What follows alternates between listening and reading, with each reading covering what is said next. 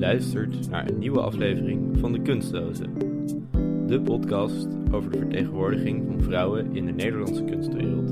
Gemaakt door Hester Marseille en Sophie Oskam.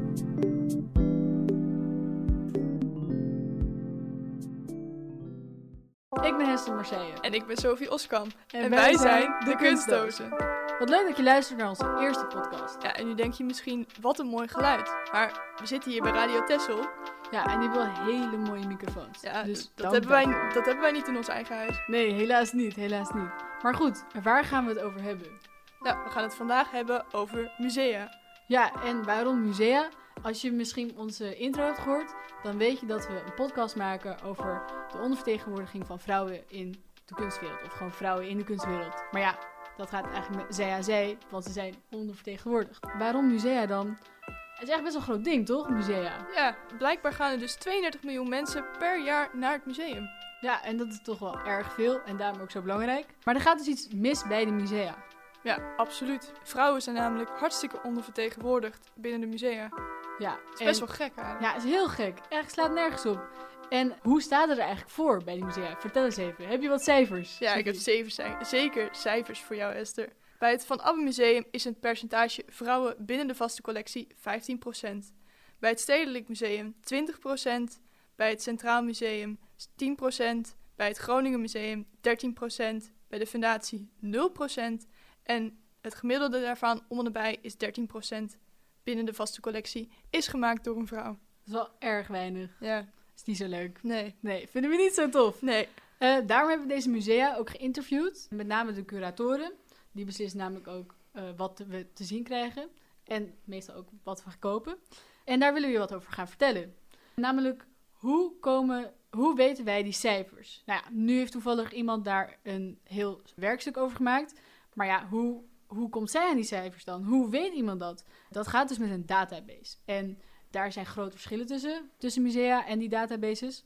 En Van Al Museum doet het zo. We hebben een, een, project dat heet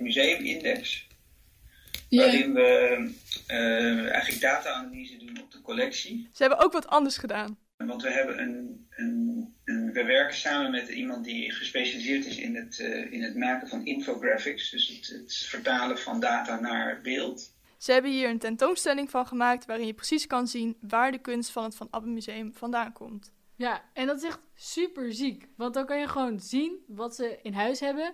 En als dat dus eigenlijk een beetje negatief is, zoals erg weinig vrouwelijke kunstenaars, dan is het helemaal niet erg. En dat weten ze ook gewoon. En dat laten ze gewoon zien. Ze zijn gewoon eerlijk. Ja, en het publiek kan dus ook zien waar de kunst vandaan komt. Want ze hebben echt van alles en nog wat gegevens gemaakt. Maar er zijn ook namelijk tegenstellingen. Want de fundatie in Zwolle heeft namelijk absoluut geen zicht op hun kunstwerken. We hebben, er, we hebben er wel een programma eh, voor, zeg maar, waar, waar de collectie in vastgelegd wordt, inderdaad. Dus ik denk dat de meeste musea dat dan ook wel weten. Alleen, ja, ja mijn collega heeft er een keer, dat is er een keer doorheen gefietst naar hoeveel procent is dan gemaakt door een vrouw. Alleen dat, werd, dat is ook niet altijd meer bekend natuurlijk van die werken eh, Hmm. die heel lang geleden zijn gemaakt. Waarom is dat zo erg? Waarom klopt die verhouding niet? En waarom is dat een probleem? Mirjam Beste van Museum Arnhem heeft hier een verklaring voor. Ja, in sommige musea is nog geen 8% van hun aankopen is werk van vrouwelijke kunstenaars. Dus die verhouding is, is, die, die, ja, die is uit, uit balans. En zeker als je kijkt naar het aantal vrouwen dat op kunstacademie zit, dat is vaak eh, meer dan 60, 70% van het aantal studenten op kunstacademies. Dus hoe komt het dat dat werk dan niet doorcijpelt naar, naar, naar, naar openbare collecties? Shout-out naar Mirjam Weste en het Arne- Museum Arnhem. Die waren namelijk erg... Zij zijn namelijk een enorm voorbeeld voor hoe musea, musea het wel moeten doen.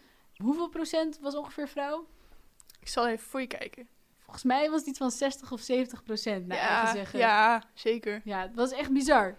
En eh, dat doen ze al een tijdje, volgens mij. Ja, Mirjam Beste is curator bij Museum Arnhem sinds om en nabij 1990. Ja, en sinds die tijd doen ze dus al heel erg hun best om dus een goede balans te krijgen tussen man en vrouw. Maar hoe kies je dan uit wat er wordt tentoongesteld?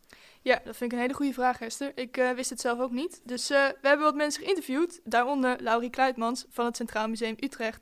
Die gaat je dit even uitleggen. ik kijk altijd in eerste instantie. ehm, het ligt een beetje aan of je een solo tentoonstelling maakt of een groepstentoonstelling. En in het geval van een groepstentoonstelling ehm, kijk je uiteindelijk wel naar of je een goede verdeling hebt ehm, van man, vrouw en, en verschillende soorten achtergronden van, ehm, van de makers.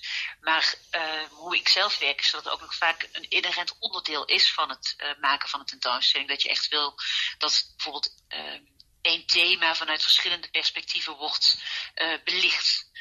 Onderling wordt tussen musea ook geleend. Musea kopen ook elk jaar nieuwe stukken aan. En waar wordt dan op gelet? Ja, dus we kijken in zo'n vergadering kijken we echt van, oké, past het in onze eigen collectie? Ja. Dus uh, hoe, hoe verhoudt het zich tot andere deelcollecties en nou ja, wat, wat voor rol speelt het daarin? Uh, maar we kijken ook of het een belangrijk werk is van die kunstenaar. Het kan best zijn dat het eigenlijk net een iets minder belangrijk werk is. Oh ja. Uh, en we willen liever dat dat ene belangrijke werk in iemands oeuvre. Ja. en het derde ding waar we naar kijken is de collectie Nederland. We zijn natuurlijk een heel klein land. En het zou geen, geen zin hebben als het Bonnefante, het Stedelijk en Centraal Museum dezelfde film aankopen. Dus dan kijken we juist, kunnen we niet samen iets aankopen. In de afgelopen tien jaar is een belangrijk ding veranderd. Er wordt tegenwoordig namelijk gelet of het kunstwerk van een man of een vrouw is. Er is beleid op gemaakt. Ja, en dat is erg belangrijk. Maar waarom is dat dan zo belangrijk? Waarom is het nu wel belangrijk om daarop te letten en vroeger was dat totaal geen ding? Ja, Steven Tentijen van het Van Abbe Museum gaat je dit even uitleggen. Ik denk dat het nou één ding is natuurlijk dat er dus... Uh, um, er was totaal geen aandacht voor. Als, als zijnde dat er... Er was geen behoefte binnen de vorige directies om te zoeken naar een balans. Dat was gewoon een... Uh, dat, dat, dat stond niet hoog op de agenda. Sterker nog, stond helemaal niet op de agenda. Het was niet per se dat die mensen nou uh, zeiden van, weet je, vrouwen kunnen geen kunstenaar zijn, die gaan we niet verzamelen, want ze hebben dus wel iets aangekocht, maar gewoon echt heel erg weinig. Er was dus duidelijk geen interesse in het kijken naar of het een man van een man of een vrouw was. Sue-Anne heeft een eigen mening over waarom musea nog nooit eerder interesse toonden in dit gegeven. Kijk, uh, uh, je kunt natuurlijk in het systeem gaan kijken. Ja. En dan zie je wel of het mannen of vrouwen zijn, want dat kun je aan de naam zien. Hoewel we, denk ik, niet eens een aparte categorie hebben met een vinkje man of vrouw. Want op, op zich vinden we dat niet, niet primair ook niet belangrijk. Maar Sue-Anne zegt ook... Dat het, het, is gewoon een mannenwereld, deze wereld. Ja. Nog steeds. Ja. Hè? Het gaat me niet eens om het oordeel, wat ik daarvan vind. Of, maar het is gewoon een feit. Ja. De topposities wereldwijd, de grootverdieners, de macht... Uh, het idee van de grote kunstenaar, dat zijn vaak nog steeds mannen. Iedereen weet al wat er dan gebeurt. Mannen blijven mannen en dus worden ook mannen aangekocht. Anno 2020 kunnen Nederlandse musea er niet langer omheen draaien dat er verandering moet komen. Al dus Mirjam Beste. Ik denk dat beetje bij beetje musea zich realiseren dat ze het zich niet meer kunnen veroorloven om hier niet over na te denken. Iedereen is het met elkaar eens. Iedereen vindt er moet verandering komen. Wij vinden het niet kunnen. Het publiek vindt het niet kunnen. Musea vindt dat het niet kun, kan. Musea vindt dat het niet kan.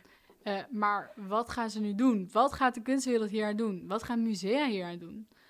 Um, want we willen dit namelijk nooit meer horen. Uh, in die zin um, is de collectie misschien niet geheel representatief zeg maar, voor jullie vraag. Dat uh, bedoel ik eigenlijk te zeggen. Het Van Abbe Museum legt uit wat hun beleid is.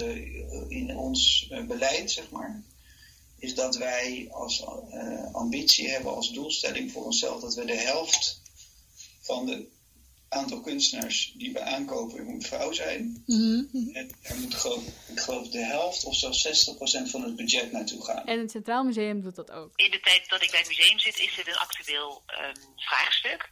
Um, maar ik denk dat het ook wel echt de afgelopen jaren uh, prominenter op de agenda is komen te staan. En nu met Black Lives Matter is het gewoon helemaal actueel natuurlijk. Ja. Maar, maar wat is nou eigenlijk onze conclusie uit al deze Zelf vind ik het erg jammer, want ik wist niet eens dat het zo erg uit balans was.